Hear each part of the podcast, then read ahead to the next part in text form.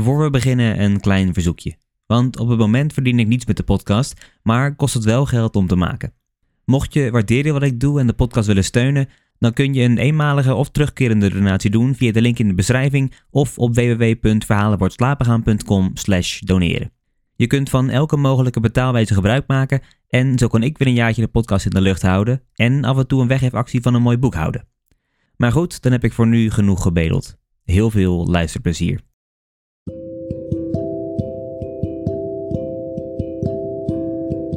Hallo allemaal en welkom. Mijn naam is Mike en in deze aflevering lees ik vijf korte verhaaltjes voor uit eigen doos. Dit is Verhalen voor het slapen gaan.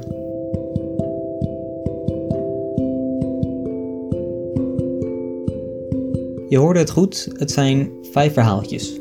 Maar schrik niet, ze zijn korter dan normaal en ook niet heel zwaar van stof. De eerste drie schreef ik voor het blad van mijn studievereniging en de laatste twee voor een online forum. De verhaaltjes zijn dus vooral luchtig, soms licht satirisch en hopelijk een beetje humoristisch. Zo gaan ze over een robot die in de war raakt tijdens het schrijven van een verhaal, een dystopie waarin humor niet meer mag, Mark Rutte op de basisschool, de aarde in gevecht met mensen en over een jongen die de dag en een appel plukt. Dit zijn vijf verhaaltjes uit eigen doos.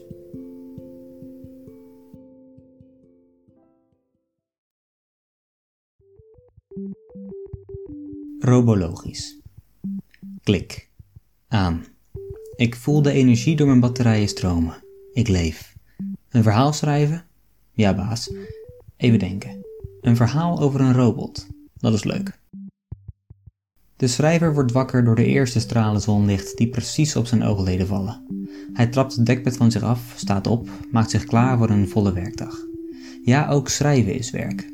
Het gebeurt niet zelden dat hij verbaasde, soms zelfs neerkijkende blikken toegeworpen krijgt wanneer hij zegt dat hij schrijft voor zijn geld.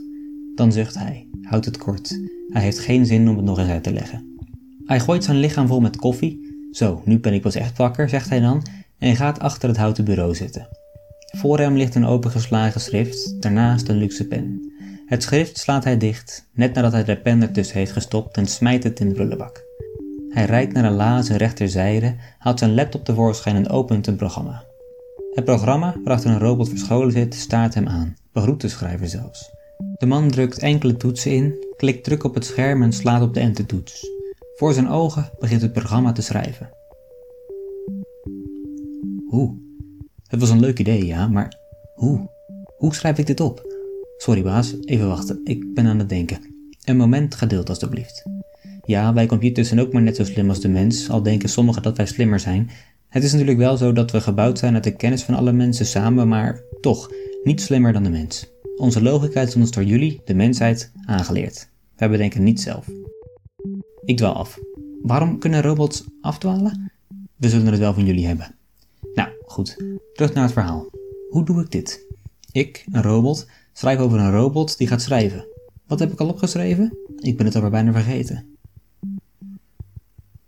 Ik ben een robot, schrijft het programma. En als robot ga ik u een verhaal vertellen. Oh god, waar gaat het heen? Ziet u, alles is logisch.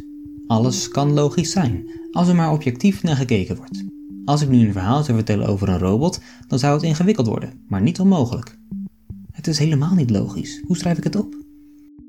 Een schrijver heeft het vermogen om alles wat gezegd dient te worden logisch op te schrijven. Daar zijn de woorden voor. Heb ik nu een discussie met mijn eigen verhaal? Maar hoe dan? Zeg me hoe ik het opschrijf.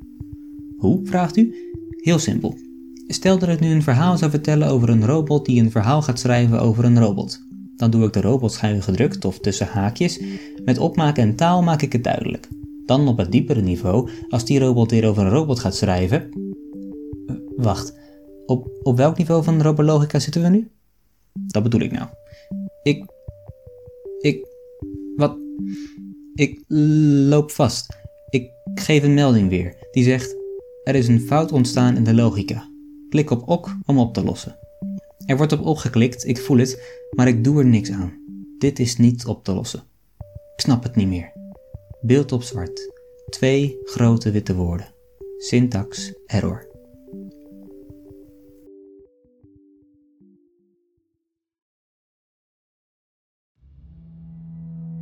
Het humorregime. Buiten het kraken van de plastic stoel waarop de breedgeschouderde man wipte en het zwiepen van het peertje boven de tafel was het zo stil dat je alle drie de mannen kon horen ademen. De tweede man stond met zijn rug tegen de muur, beet op zijn nagels en begon met zijn voet op de grond te tikken. Joh, stop daar eens mee, je maakt me zenuwachtig, zei de breedgeschouderde, die achteroverleunend op de stoel zat. Het getik stopte abrupt. Dus, Piet, wat denk je? Kan het ermee door? Zei de breedgeschouderde, gericht tot de man die over de tafel leunde met een blaadje onder zijn neus. Het is moeilijk, Dirk. In deze tijden weet je het maar nooit. Jij bent de man van de rechten. Jij kent het wetboek en het regime beter dan wie dan ook. Wat scheelt eraan? Kijk, voorop staat dat ik het persoonlijk een geweldige grap vind. Deze humor is klasse. Maar het is technisch gezien in strijd met artikel 11.928 van het Wetboek der Humor. Dat luidt: Men mag geen parodieën maken op bestaande uitspraken die in de sociale omgang gebruikt worden, waardoor zij een lading krijgen die door menig mensen als onacceptabel zou kunnen worden beschouwd. Ook mag deze parodie niet beledigend, discriminerend, racistisch, seksistisch, feministisch, fascistisch, realistisch, romantisch, optimistisch, vegetarisch, autistisch of op enige andere wijze grappig zijn. Straffen kunnen oplopen tot een half jaar aan de schandpaal. Op dit citaat uit het wetboek, dat meer dan 20.000 pagina's bedroeg en dat iedereen verplicht in huis moest hebben, sprak de man leunend tegen de muur met trillende stem: Straks worden we gepakt. Waarom zoveel moeite doen voor een grap? Kunnen we het niet gewoon laten beoordelen door het ministerie van Humor, zoals normale mensen doen? Hierop sloeg Dirk hard met de vuist op tafel. En het dan afgewezen laten worden? En al het werk voor niets laten zijn? Wij staan ergens voor, meneertje de Jong, Jans of welke andere typisch Nederlandse achternaam je ook mag dragen. Als wij humor willen verspreiden, doen wij dat op onze manier. Dus zo geschiedde het dat Dirk en de tengere nietsnut op een warme middag op een druk plein stonden. De terrassen zaten vol, er werd luidruchtig gegeten en gepraat, maar nergens klonk gelach. Niemand leek de kleine zwarte wolken met wieken die voorzichtig boven de stad zweefden op te merken. Dirks voorhoofd glinsterde. Met zijn mouw veegde hij het zweet ervan af. Het was nu of nooit. Hij stapte op een jonge vrouw af. Zijn handlanger liep niet mee en bleef op enkele meters afstand toekijken en tikte haar op haar schouder. Ze draaide zich om en keek hem aan. Er was geen enkele emotie van haar gezicht af te lezen. Haar donkere ogen doorboorden hem. Mevrouw, ik ga u iets vragen. Weet u hoe een Ethiopiër een boom inklimt? Ze schudde haar hoofd. Via de ribbenkast van zijn broer. Ze bleef hem aankijken met datzelfde emotieloze gezicht. Na een moment sprak ze heeft u hier een licentie voor? Nee mevrouw, ik doe niet aan licenties. Dit is een vrij land. We zouden moeten kunnen zeggen wat we willen. Humor is humor. Dit is revolutie. De vrouw, blijkbaar niet onder de indruk van de revolutie, haalde haar telefoon tevoorschijn en toetste drie nummers in. Spreek ik met het humorregime? Ja? Er staat hier een man op het Domplein die mij zonder licentie een racistische mop vertelt. Ja, dat klopt, het Domplein. Fijn, dan zie ik u graag zo snel mogelijk verschijnen. Dirk draaide zich al om in een poging om weg te rennen, maar nog voordat ze had opgehangen galmden de sirenes al door de stad en de wieken van de helikopters waren nu duidelijk hoorbaar. Vanuit alle richtingen kwam politie op Dirk afgerend. Binnen enkele seconden werd heel het plein door rookblauwe zwaailichten gekleurd en de lucht zag zwart van de helikopters. Ineens leek onze Dirk niet meer zo breed. Hij keek om zich heen, zijn bange handlanger was nergens te bekennen. Veel plezier aan de schandpaal, zei de vrouw met een glimlach.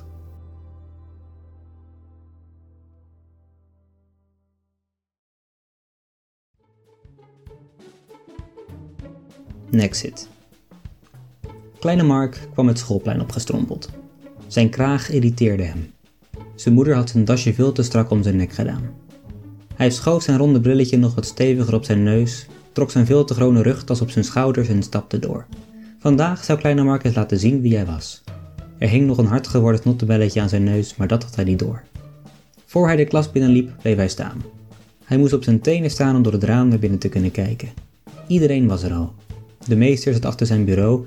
Hij was dik, had zijn voet op de tafel gelegd en blies de rook van een sigaar de klas in. Zijn aandacht was gericht op de krant. Hij had lang geleden al de moed opgegeven. Deze klas kon hij niets leren. De losse kop van een kip is niet meer aan het lichaam vast te naaien. Anarchie had de klas geen goed gedaan. Langzaam waren er groepjes gevormd. Achterin zaten twee vatsige bullenbakken hun hard geworden snottebellen naar elkaar te gooien. De ene was blond met een nogal oranjekleurige huid en had iets weg van Dirk Duffeling van Harry Potter. Het andere propje was Aziatisch. Ze zeiden nooit iets tegen elkaar. Dat was ook niet nodig. Als ze elkaar dwars konden zitten, was het al genoeg. Voorin zat de populaire groep met elkaar te praten. De kinderen gedroegen zich alsof ze koningen waren. Kleine Mark hoorde hier eigenlijk ook bij, al had hij geen idee hoe hij bij deze groep paste. Zo had je Française, een lang blond meisje dat elke dag een spiegel meebracht die ze niet uit het oog verloor. Af en toe keek ze eens op. Wanneer een jonge interesse in haar toonde, glimlachte ze, knipoogde soms zelfs. Maar altijd keerde ze weer terug naar de spiegel. Op de tafel zat een mollig meisje. Eigenlijk was bijna de hele klas dik, behalve Française, Vladimir en Kleine Mark, dat trots om zich heen keek. Zij was toch wel een van de populairste van de groep, ondanks dat er onder haar neus een klein snorretje groeide dat ze maar niet wegkreeg gewakst. De anderen zagen het snorretje nog wel zitten, maar vonden het zielig dat ze er zo moeite mee had en deden alsof ze blind waren. Niemand snapte waarom Vladimir bij de groep hoorde, maar op de een of andere manier lukte het niet om hem er buiten te houden. Hij had altijd een gemene grijns op zijn gezicht, was de snitch van de klas en wist van iedereen wel iets beschamends waarmee hij ze neer kon halen. Daarom was iedereen bevriend met hem. Aan de rand van de groep zat de opmerkelijkste persoon, een Siamese tweeling. Het gekke was dat het ene hoofd bij de groep wilde horen, terwijl het andere hoofd altijd de andere kant op zat gedraaid. Dat was het hoofd dat kleine Mark door het raam zag kijken. Het gebaarde dat hij binnen moest komen. Met trillende benen kwam hij het lokaal binnen en ging voor de groep staan. Hij kuchte, maar niemand keek om. Jongens, zei hij, maar niemand leek hem te horen. Jongens, piepte hij. Nu draaiden enkele hoofden zich naar hem om. Kleine Mark voelde zijn hart pompen. De woorden en zinnen schoten door zijn hoofd, te snel om ze te grijpen. Ik, ik wilde even wat zeggen. Ik, ik ben er klaar mee. Ik stap eruit. Zijn klasgenoten staarden hem achterloos aan. Even was het stil, maar na enkele seconden draaiden de hoofden weer terug naar hun gesprekken en was het alsof er niks gebeurd was. Kleine Mark drukte de bril, die scheef op zijn neus was komen te zitten, weer terug op zijn plek, strompelde naar een lege tafel ergens in een hoekje van de klas en rechte zijn stropdas. Niemand zag dat hij zachtjes snikte.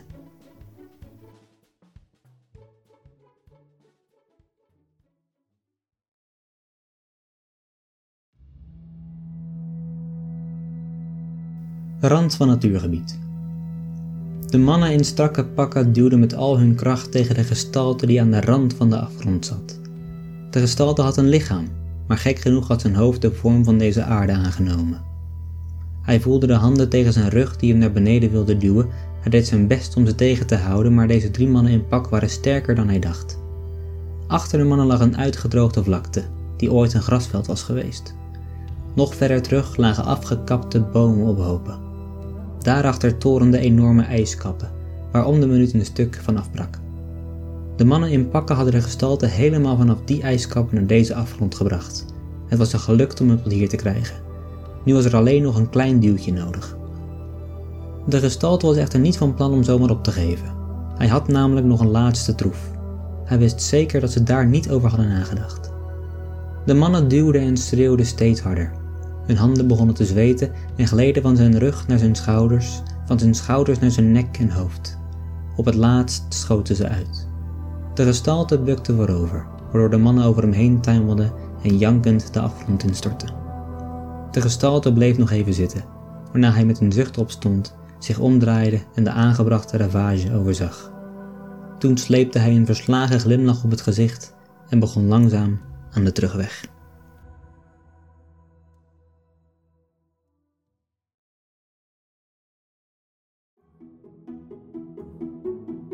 Pluk de dag. Iemand die mijn gedachten niet zou kunnen lezen, zou zeggen dat ik een stalker ben. Zelf zou ik zeggen dat ik het doe omdat ik niet anders kan. Het zit niet in mijn aard. Daarom kijk ik overal waar ik kom om me heen om te zien of zij er ook is. Nooit ben ik een man van woorden geweest. Ik haat praten. Ik heb geen flauw idee hoe ik een gesprek moet openen om een meisje beter te leren kennen. Altijd ben ik bang dat ik iets stom zeg, dat ze me raar aankijkt en uitlacht. Er is vaak genoeg gebeurd dat ik een vriendin vertelde hoe ik me over haar voelde en dat we sinds die dag geen vrienden meer waren. Dan was er steeds die gênante lach wanneer ik haar tegenkwam op de gang. Nu is het weer zo. Ze zit daar met haar rug tegen een appelboom, haar blonde haren over haar schouders hangend, een boek lezend. Ik ken het boek, een van mijn favorieten. En ik zit op het bankje, mijn knieën hoog opgetrokken, mijn boterham etend. Ik kijk naar haar om te zien of zij naar mij kijkt, om te zien of ik naar haar kijk. Nu snap ik het zelf ook niet meer. Is dat liefde? Toch moet het anders. Ik kan niet mijn hele leven als een stalker om me heen blijven kijken. Dat blauwtje lopen, de pijn voelen en het morgen weer proberen. Dus ik sta op en loop naar haar toe. Ik sta even voor haar stil, grijp dan naar een tak. Ik pluk een appel. Ik geef hem mijn haar. Even lijkt ze verward, maar dan glimlacht ze.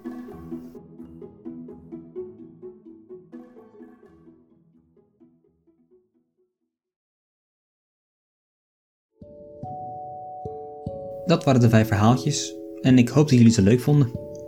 Ik wil jullie hartstikke bedanken voor het luisteren naar deze podcast. Voor updates, achter de schermen, vragen of opmerkingen kun je me vinden op Instagram of Facebook onder de naam Verhalen voor het slapen gaan.